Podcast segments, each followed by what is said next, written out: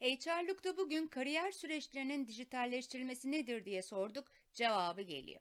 İşletmenin tüm kariyer uygulamalarının dijital ortamlarda oluşturulması, takip edilmesi ve raporlanması süreçleridir.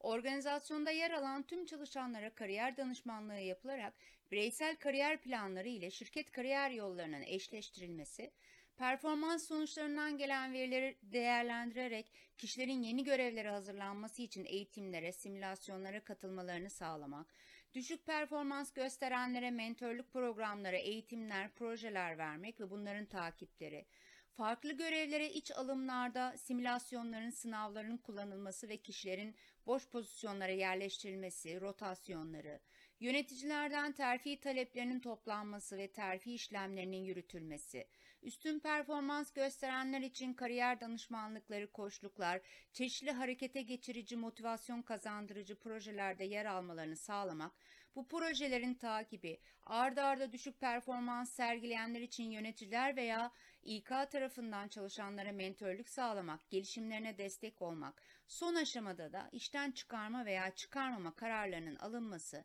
yani tüm bu çalışmaların tamamının dijital ortamlarda mentörler, koçlar, danışmanlar, insan kaynakları ve yöneticiler ve tabii ki çalışanların e, birlikte girip işlem yapması, takip etmesi, sürekliliğini sağlaması e, ve tüm bu işlemlerin kariyer yönetim e, süreçleriyle dijitalleştirilmesi diyebiliriz. Performans ve eğitimden gelen bilgilerle çalışanlar bu süreçlere tabi tutulur. Bu süreçlerdeki performanslarına göre yeniden değerlendirmeye veya eğitimlere alınabilirler. Tüm bu insan kaynakları süreçlerinin arasındaki veri akışı ve tamamı dijitalleştirme ile mümkündür.